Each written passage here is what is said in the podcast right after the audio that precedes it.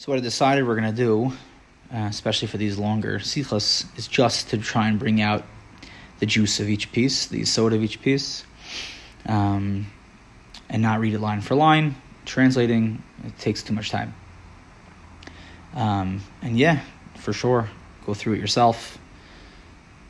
Get the language, get the lashon down, store it, keep it for the you know for the time or it's just it's just speaking to you. It's there. But um, I think in this year, we're just going to try and bring out you know bring out what we need. So let's talk about this first piece and ask the just you know crucial question of why is this the first piece in Meshivas Nefesh? Why is this the doorway to all of the other chizik?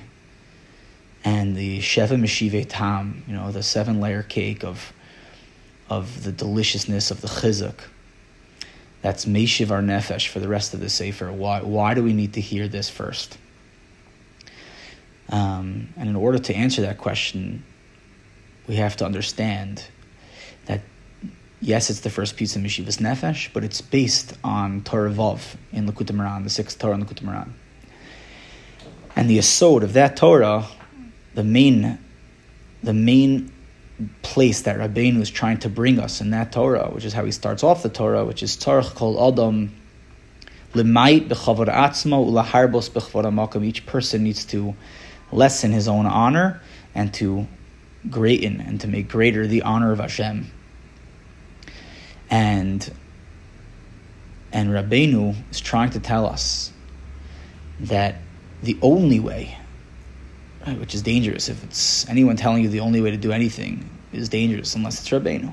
So Rabbeinu is telling the only way to be mischazik, to fully accept, and to want to be part of the people who accept chizik and who are able to hear Hashem loves you and to just return to themselves.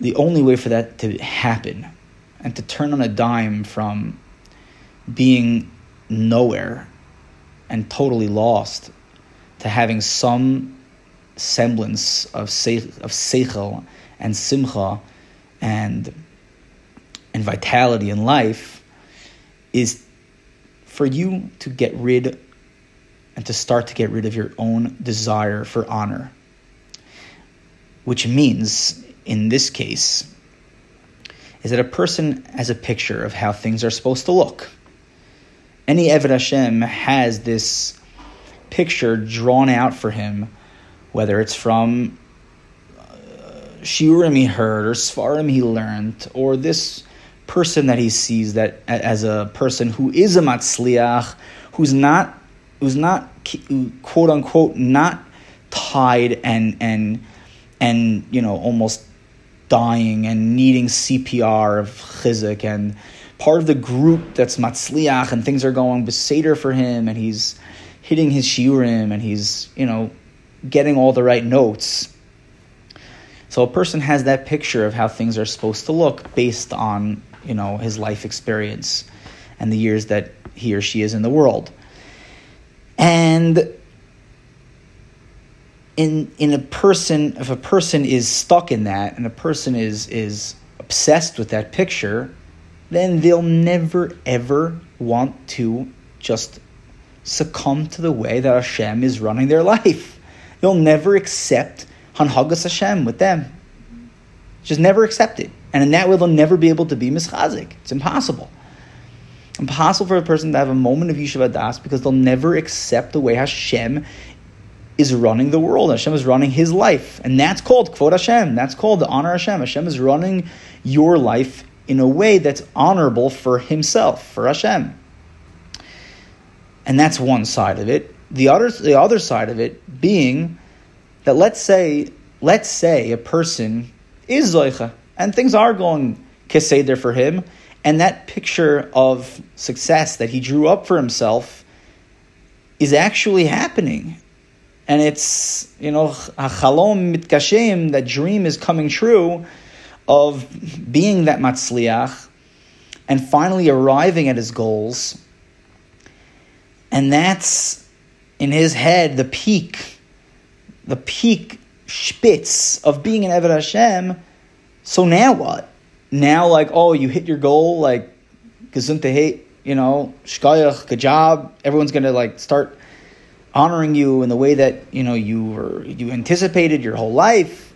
Finally, I made it, and then you're just gonna stop honoring Hashem. Kvod Hashem is ein sof; it's endless, right? How could it be that you just stop honoring Hashem? Gedulas Hashem is is is ein sof. And that's the other side of it, right? How, how can it be that you, Ki'ilu, you arrived, that's it, you're done, you served Hashem, you got that position that you wanted? So let's do tshuva together. Let's let's be meshiv our nefesh together, and understand the only way out of this is thinking of kvod Hashem. Is is laharbos makom, which on one level means if it's going for you, right? You're hitting your strides. You know, you're you're you're fulfilling your whole kalimud for the day, and you're being miskaber on your taivas. You don't have all these nisyonos. You start to see that you know you're you're you're succeeding. Never say I, I made it, right? Just honor Hashem more. Be a baki biratzo, right? Which is the lashon of the sicha that you have to be mischazik bein ba'aliyah. So you're in a, if you're in an aliyah, you have to be mischazik that okay, I have to I have to serve Hashem more, I have to honor Hashem more. Hashem wants more from me. I, mean, Hashem wants me. He's honored through me, and I can honor Him more. That's that's that's called baki baratzo. And let's say, you know, it happens. Person falls. Person falls. Yom shel batala. Day a wasted day the rabbit hole of the day, whatever that is. If you fall, it's not going for you. You're not hitting those those you're not hitting those notes. The picture is just off. Then we don't give up. We don't throw in the towel. We know that I fell to this place. Hashem made it.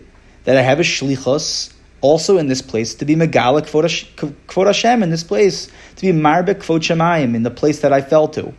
And that's my special shlichus dafka in this place, so Hashem could get nachas ruach from my chaskos in this place. Because Hashem wants us to be, yes, a baki baratzo, but also a baki b'shov.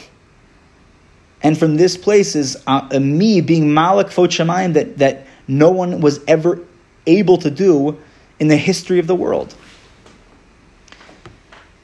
And that's called being a baki baratzo Baki Bishov, Bain Balia, Bain Birida to be mischazik because I'm not focused on Kvod Hashem. Because I'm not focused on Kavod Atzmi, excuse me, on my own Kavod, my own honor.